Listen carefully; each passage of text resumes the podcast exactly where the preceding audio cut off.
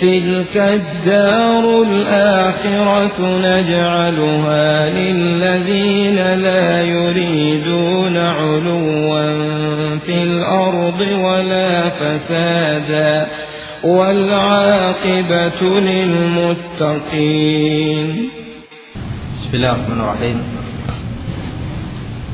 إن الحمد لله تعالى نحمده ونستعينه ونستغفره ونعوذ بالله من شرور أنفسنا وسيئات أعمالنا. من يهده الله فلا مضل له ومن يضلل فلا هادي له. أشهد أن لا إله إلا الله وحده لا شريك له وأشهد أن محمدا عبده ورسوله. صلى الله عليه وعلى آله وصحبه وسلم تسليما مزيدا. يا أيها الذين آمنوا اتقوا الله حق تقاته ولا تموتن إلا وأنتم مسلمون. يا أيها الناس اتقوا ربكم الذي خلقكم من نفس واحدة وخلق منها زوجها وبث منهما رجالا كثيرا ونساء. واتقوا الله الذي تساءلون به والأرحام. إن الله كان عليكم رقيبا أما بعد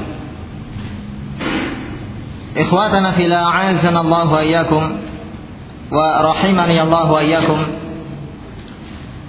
telah kita sebutkan hadis yang dikeluarkan oleh al-Imam Muslim rahimahullahu taala dari sahabiyun jalil Abdullah bin Mas'ud radhiyallahu taala anhu. Bahwasanya Rasulullah sallallahu alaihi wasallam bersabda la yadkhulul jannata man kana fi qalbihi mithqalu dzarratin min kibrin. Dalam lafaz yang lainnya menyebutkan la yadkhulun nara ahadun fi qalbihi mithqalu habatin khardalin min iman. Wala yadkhulul jannata ahadun fi qalbihi mithqalu habatin khardalin min kibriya. Tidak akan masuk ke dalam al-jannah seseorang yang di dalam hatinya tersebut, ada mithqal zarrah biji yang paling kecilnya berupa kesombongan. Lafaz yang lainnya menyebutkan tidak akan masuk ke dalam an-nar salah seorang yang di dalam hatinya terdapat mithqalu habbatin khardalin min iman satu biji yang paling kecil dari keimanan. Demikian pula tidak akan masuk ke dalam al-jannah salah seorang di dalam hatinya. Terdapat satu biji yang paling kecil berupa kibria kesombongan. Sehingga ikhwatana fil Allah wa yakum yang mulia ini menerangkan kepada kita demikian bahayanya sifat al-kibr sifat sombong, congkak apabila ada pada seorang hamba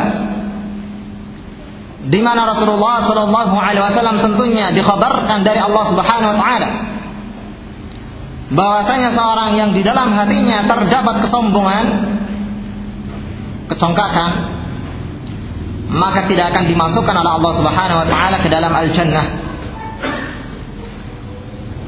Dan keterangan yang kita sebutkan kemarin, makna la yadkhulul jannah adalah dukhulan awwaliyan tidak akan masuk ke dalam al-jannah pada kali pertamanya.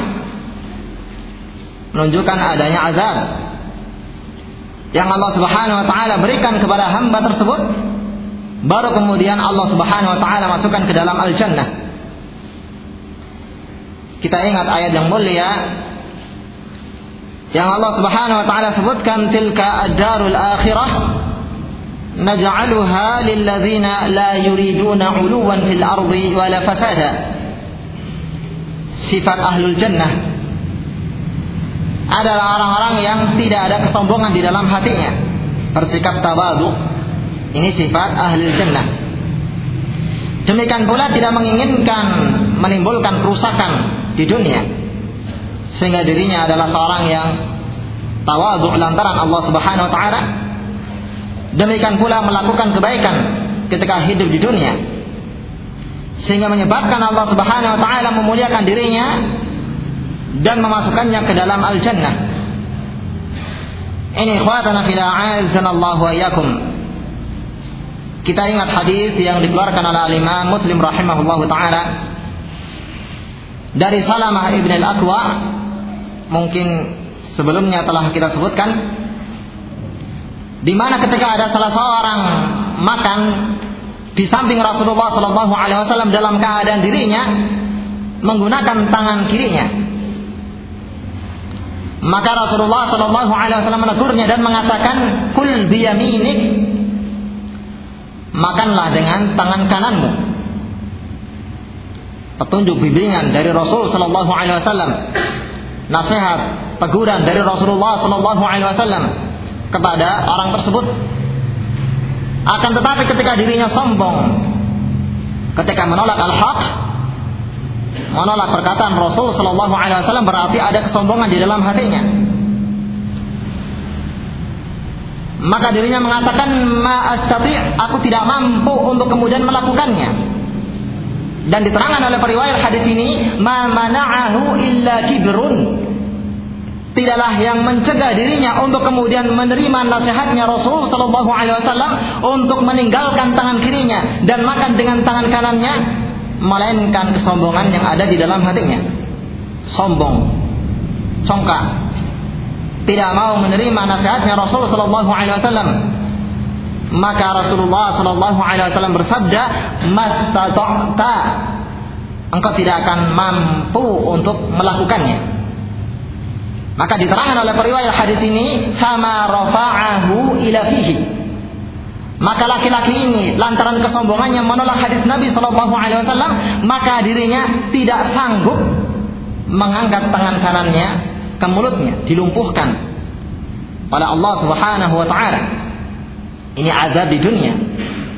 Apalagi azab pada yaumul qiyamah lebih dahsyat yang Allah Subhanahu wa taala berikan kepada mereka al-mutakabbirin. Qila dukhulu abwaab jahannam khalidina fiha. Falabi'sa mathwal mutakabbirin. Masuklah kalian ke dalam neraka jahanam dalam keadaan kekal kalian selama-lamanya di dalamnya. Kepada mereka orang-orang kafir orang-orang yang menyombongkan diri mereka kepada utusan Allah Subhanahu wa taala.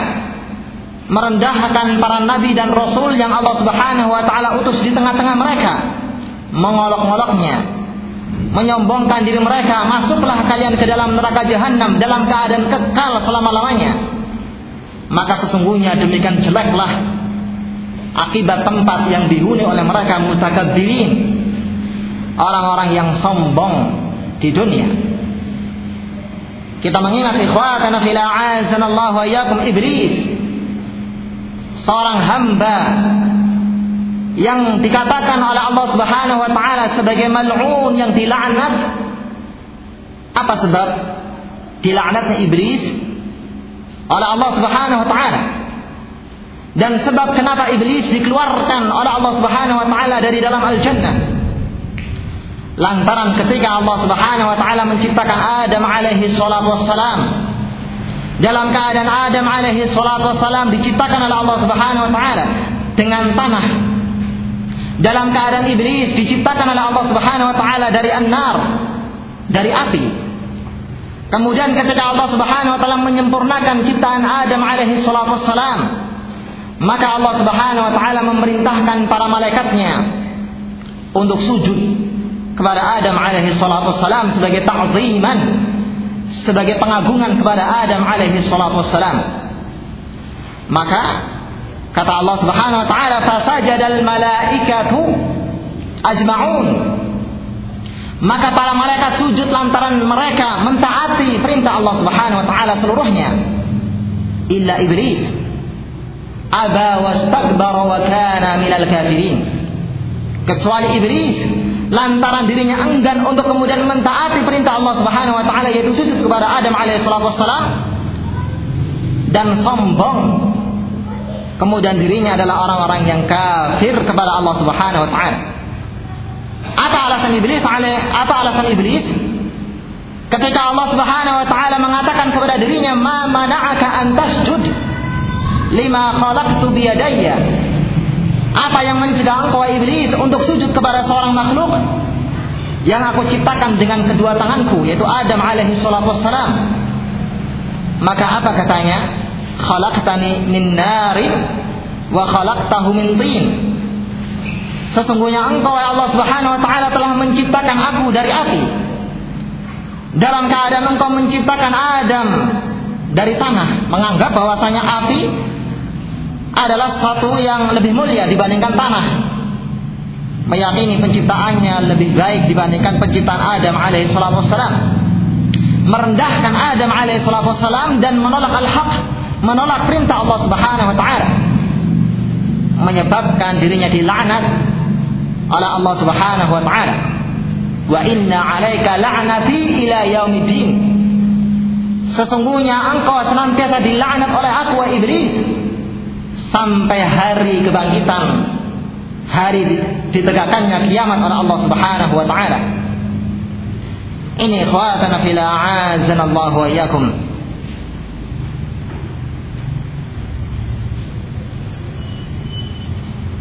Dan pada hadis yang setelahnya di mana salah seorang bertanya kepada Rasul sallallahu alaihi wasallam, "Innar rajula yuhibbu an yakuna thawbuhu hasanan wa na'luhu hasanah." Sesungguhnya keadaan seorang sangat suka apabila dirinya mengenakan pakaian yang baik, demikian pula sendal yang baik. Apakah yang demikian termasuk kibir? Yang menyebabkan tidaklah masuk ke dalam al-jannah salah seorang di dalam hatinya terdapat mithqalu dzarratin min kibrin. Maka apa kata Rasul sallallahu alaihi wasallam, "Innallaha jamil yuhibbu al-jamal." Al-kibru batarul haqqi wa ghamtu an-nas. Kemudian Rasulullah sallallahu alaihi wasallam menerangkan hakikat al-kibr adalah di mana seorang menolak al-haq dan merendahkan manusia yang lainnya. Ketika dirinya menolak al-haq, menolak hadis dari Rasul Shallallahu Alaihi Wasallam, maka di dalam hatinya terdapat kesombongan. Ataukah ketika dirinya mengamalkan al-haq, tapi merasa ketika dirinya mengamalkan al-haq adalah seorang yang lebih baik dibandingkan yang lainnya, sehingga sombong menganggap dirinya lebih mulia dibandingkan yang lainnya sehingga merendahkan yang lainnya maka ada kesombongan di dalam hatinya al kibri al kibru batarul haqqi wa ghamtu an-nasi ini ikhwatana fil a'azana Allah wa iyyakum Syekh Muhammad bin Abdul Wahab rahimahu hafizahullah taala Al-Wusabi dalam kitab beliau yang masyhur 20 an-nasihah li talabil ilmi 20 nasihat bagi para penimba ilmu maka di antara sekian nasihat tersebut Asy-Syaikh Hafizahullah taala menyebutkan satu bab khusus tentang permasalahan al-kibr. Hendaklah para tulabul ilmi berhati-hati dari sifat al-kibr tersebut. Kemudian Asy-Syaikh Hafizahullah taala menerangkan tentang adanya salah seorang yang thiqah mengobarkan kepada Asy-Syaikh Habibullah taala di mana ada salah seorang yang subhanallah Allah Subhanahu wa taala menciptakan rambut yang bagus tidak seperti yang lainnya. Rambutnya bagus, lihyanya dan yang semisalnya. Akan tetapi subhanallah dengan bagusnya penciptaan Allah Subhanahu wa taala yang Allah berikan kepada hamba tersebut menyebabkan dirinya sombong kepada yang lainnya, merendahkan rambut saudaranya, menghinakan rambut saudaranya. Lantaran menganggap bahwasanya rambut yang dimiliki oleh dirinya lebih baik dibandingkan rambut yang dimiliki oleh hamba tersebut. Dan subhanallah Syekh Habibullah taala menyebutkan satu kisah di mana ketika hamba ini atau ketika orang ini dalam keadaan demikian sombong, atas rambut dan penciptaan Allah Subhanahu wa taala yang baik kepada hamba ini maka tiba-tiba saja Allah Subhanahu wa taala merontokkan seluruh rambut yang ada di tubuhnya sampai tidak ada yang tersisa di tubuhnya satu rambut pun melainkan Allah Subhanahu wa taala merontokkannya. Ini ikhwatana fil a'azanallahu wa. Lantaran kesombongan di dalam hatinya. Dirinya tidak menyangka bahwasannya kenikmatan atau fadilah, keutamaan yang Allah Subhanahu wa taala berikan kepada dirinya adalah semata-mata lantaran karunia dari Allah Subhanahu wa taala. Bukan dari dirinya. Ketika perasaan ujub, sombong, bangga diri atas yang lainnya ada di dalam hatinya, maka Allah Subhanahu wa taala menurunkan azab imma ajil wa imma ajil Ima disegerakan oleh Allah Subhanahu wa taala, ima ditangguhkan oleh Allah Subhanahu wa taala untuk kemudian Allah Subhanahu wa taala berikan sanksi kepada hamba tersebut ketika dirinya bertemu dengan Allah Subhanahu wa taala.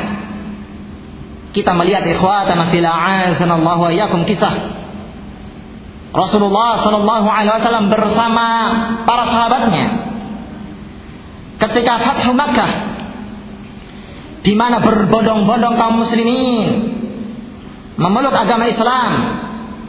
Di mana berbondong-bondong orang-orang yang kafir memeluk agama Islam. Kita ingat perang yang masyhur yang terjadi setelah Fathu Mekah yaitu perang Hunain. Kata Allah Subhanahu wa taala mengingatkan para sahabatnya sebagai contoh kepada orang yang setelahnya. Wa yauma hunainin id a'jabatkum فلم tughni عنكم من الله شيئا وضاقت عليكم الأرض بما رحبت ثم توليتم مدبرين. Tawallaitum mudbirin maka ingatlah pada hari Hunain satu kejadian sebagai tanda kekuasaan Allah Subhanahu wa taala. Di mana ketika kalian kata Allah Subhanahu wa taala merasa takjub terhadap banyaknya jumlah personil kalian merasa takjub merasa bangga dengan banyaknya prajuritnya, merasa takjub, merasa bangga dengan banyaknya persenjataan yang dibawa oleh kaum muslimin pada perang tersebut. Apa akibatnya? Kata Allah Subhanahu wa taala, "Wa dhaqat 'alaikumul ardu bima rahubat, tsumma tawallaitum mudbirin." Menyebabkan sempitlah bumi yang kalian ada di atasnya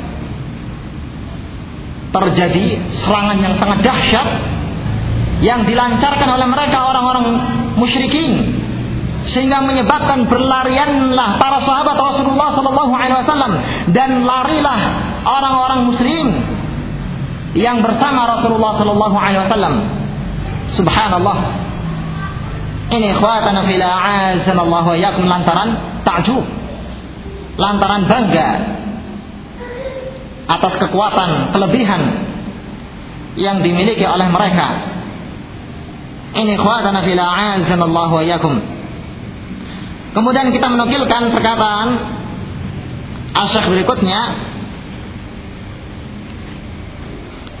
Hafizahullah Ta'ala dalam halaman yang ke 15 Kata beliau wa bayyana an-nabiy sallallahu alaihi wasallam anna al-kibra batarul haqqi wa ghamtu an-nasi. Maka Nabi Shallallahu Alaihi Wasallam menerangkan bahwasanya kibir adalah sifat menolak al-haq dan merendahkan manusia yang lainnya. Wa amma batarul haqqi fahuwa daf'ul haqqi wa radduhu. Adapun menolak al-haq maka maksudnya adalah di mana seorang menolak al-haq, meninggalkan al-haq dan menolaknya, tidak mengamalkannya. Ketika datang kepada dirinya al-haq, maka dirinya tidak mengamalkannya. Wa amma ghamtun nasi fahuwa ihtiqaruhum. Adapun ghamtun nas maksudnya adalah ihtiqaruhum, merendahkan mereka, melecehkan mereka. Subhanallah, sangat dahsyat Siksaannya kalau seandainya dua sifat ini menempel pada diri seorang hamba. Sudah dirinya menolak al-haq, demikian pula merendahkan manusia yang lainnya. Ini khawatana fil a'azanallahu wa. Wal mutakabbiru yuridu ayya'lu bi nafsihi 'ala Allah Ta'ala. Orang yang sombong menginginkan meninggikan dirinya di atas Allah Subhanahu wa taala. Berarti menginginkan dirinya lebih tinggi atas Allah Subhanahu wa taala. Lebih mulia atas Allah Subhanahu wa taala. Fi raddi syar'i wa dini wa qalil haqqi min kitabillah subhanahu wa sunnati rasulih sallallahu alaihi wasallam. Dengan dirinya menolak syariat dan menolak agama ini demikian pula menolak ucapan yang benar dari kitab Allah Subhanahu wa taala ataukah dari sunnah Rasulullah sallallahu alaihi wasallam ketika dirinya tidak mau mengamalkan perintah Allah Subhanahu wa taala tidak mau mengamalkan perkataan Allah Subhanahu wa taala dan rasulnya maka berarti dirinya menganggap lebih mulia dibandingkan Allah Subhanahu wa taala dan rasulnya. Wa ya'lu 'ala nasi aywan demikian pula dirinya merasa tinggi atas manusia yang lainnya juga fayaskharu minhum wa yahtaqiruhum wa yazdarihim. Sehingga dirinya merendahkan mereka dan menghinakannya serta melecehkannya. Ini khawatana fil a'azanallahu wa yakum yang dimaksud dengan al-kibru. Maka bila mana seorang hamba menginginkan memiliki sifat at-tawadhu, maka hendaklah terkosongkan dari dirinya dua sifat yang disebutkan oleh Rasul sallallahu alaihi wasallam. Dirinya mengamalkan al-haq dari mana datangnya al-haq tersebut. Demikian pula dirinya memuliakan manusia yang lainnya, siapa pun mereka. Dia muliakan, dia hormati. Dia cintai orang tersebut selama orang ini adalah seorang yang taat kepada Allah Subhanahu wa taala. Innahu ihtiqarul khaliq wal makhluk sesungguhnya sifat al-kibr ini adalah bentuk pelecehan kepada al-khaliq sang pencipta yaitu Allah Subhanahu wa taala dan bentuk pelecehan kepada al-makhluk. Iyadzan billahi taala. Kita berlindung kepada Allah Subhanahu wa taala dari sifat tersebut. Melecehkan Allah Subhanahu wa taala dan melecehkan makhluk yang lainnya. Sehingga wajar ikhwatana fil a'azzanallahu wa yakum bagaimana Rasulullah sallallahu alaihi wasallam menyebutkan bahwasanya orang yang seperti ini la yadkhulul jannah tidak akan masuk ke dalam al jannah.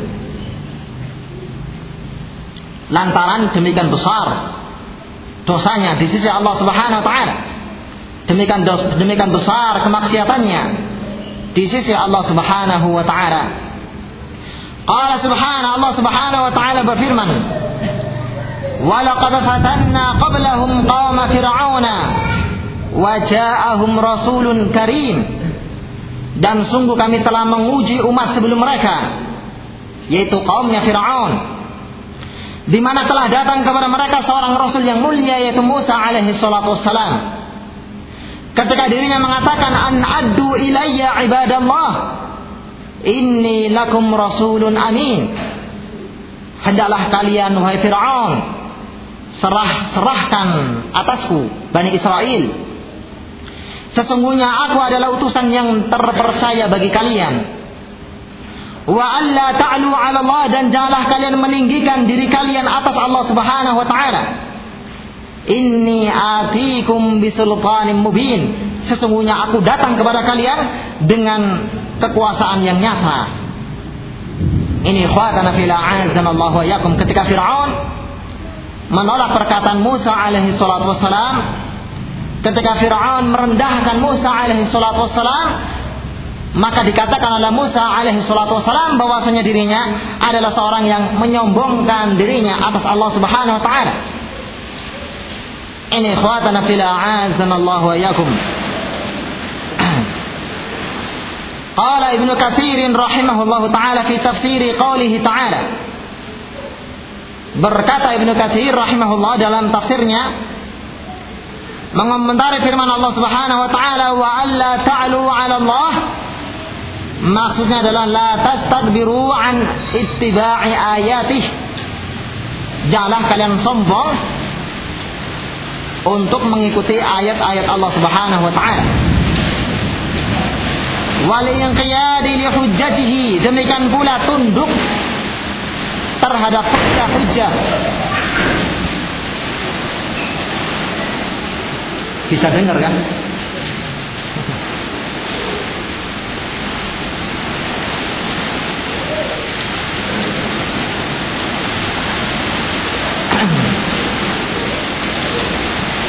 Demikian pula tunduk terhadap hujah-hujah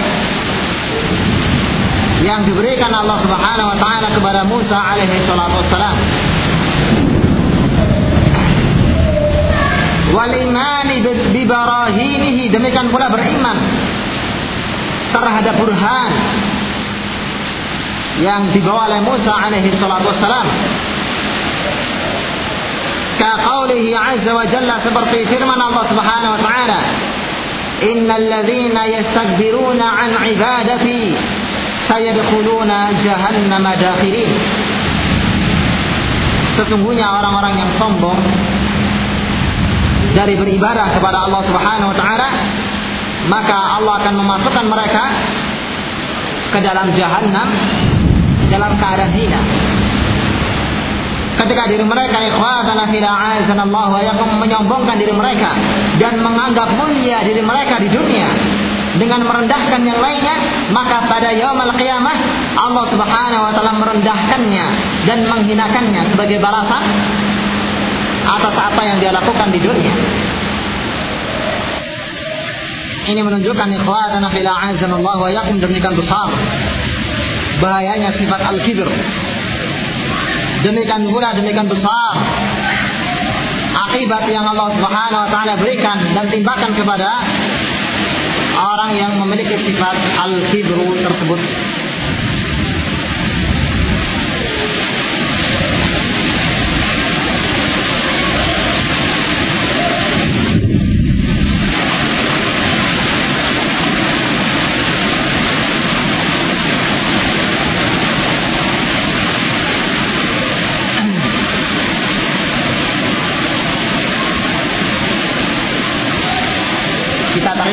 Kisah. Yang dialami oleh para ulama. Salafun salih rahimahullah taala. Ketika mereka rihlah mencari ilmu. Mencari hadis dan mendengarkannya dari seorang alim yang jauh dari negeri mereka. Subhanallah dikisahkan oleh salah seorang di antara mereka sampai ada salah seorang di antara mereka para ulama kita salafun saleh yang ketika mencari ilmu hadis melewati sebuah daerah yang sangat dingin sampai saking dinginnya turunlah hujan salju. Menunjukkan demikian dinginnya daerah tersebut. Akan tapi ikhwatana bila wa yakum demikian sabarnya hamba ini dari mencari ilmu dan ikhlasnya karena Allah Subhanahu wa taala sampai-sampai menyebabkan kakinya lumpuh dan tidak bisa dia gerakan demi mencari ilmu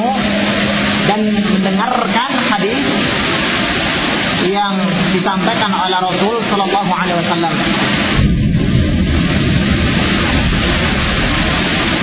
Demikian pula sampai ada salah seorang di antara mereka, bahkan beberapa orang. Di antara mereka para ulama kita salafun salih. Habibahum rahimahumullah taala. Yang saking jauhnya mencari ilmu menyebabkan habislah perbekalan dan menyebabkan habislah air minumnya. Dalam keadaan mereka berada di satu tempat yang tidak ada air untuk kemudian mereka bisa gunakan membasahi tenggorokannya sampai diterangkan mereka mengeluarkan air kencingnya dan menampungnya di satu tempat kemudian mereka meminumnya tapi subhanallah tidaklah menyebabkan perkara-perkara yang seperti ini melemahkan kesabaran mereka dan meluluhkan tekad mereka untuk kemudian melanjutkan mencari hadis yang datang dari Rasul Shallallahu Alaihi Wasallam. Ini kuatana fila Allah wa yakum. Sebagaimana yang dikatakan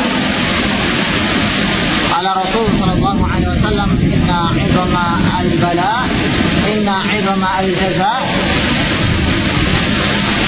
مع عظم البلاء sesungguhnya besarnya balasan yang Allah Subhanahu wa taala berikan kepada seorang hamba adalah seukuran dengan besarnya bala musibah yang Allah Subhanahu wa taala berikan kepada hamba tersebut dan tentunya ikhwan anak fila azanallahu wa yakum kita minta kepada Allah Subhanahu wa taala apa yang kita lakukan pada malam hari ini berupa menghadiri majlis yang mulia ini. Dan kita berharap semoga diberkahi oleh Allah Subhanahu wa taala sebagai amalan yang ikhlas karena Allah Subhanahu wa taala sehingga menyebabkan kita mendapatkan fadilah mencari ilmu dan menyebabkan diri kita dimuliakan oleh Allah Subhanahu wa taala. Wallahu a'lam bishawab. Mungkin ini yang bisa saya sampaikan pada pertemuan malam hari ini wal afu minkum wa akhiru da'wana alhamdulillahi rabbil alamin wa subhanaka allahumma bihamdika ashhadu an la ilaha illa anta astaghfiruka wa atubu ilaik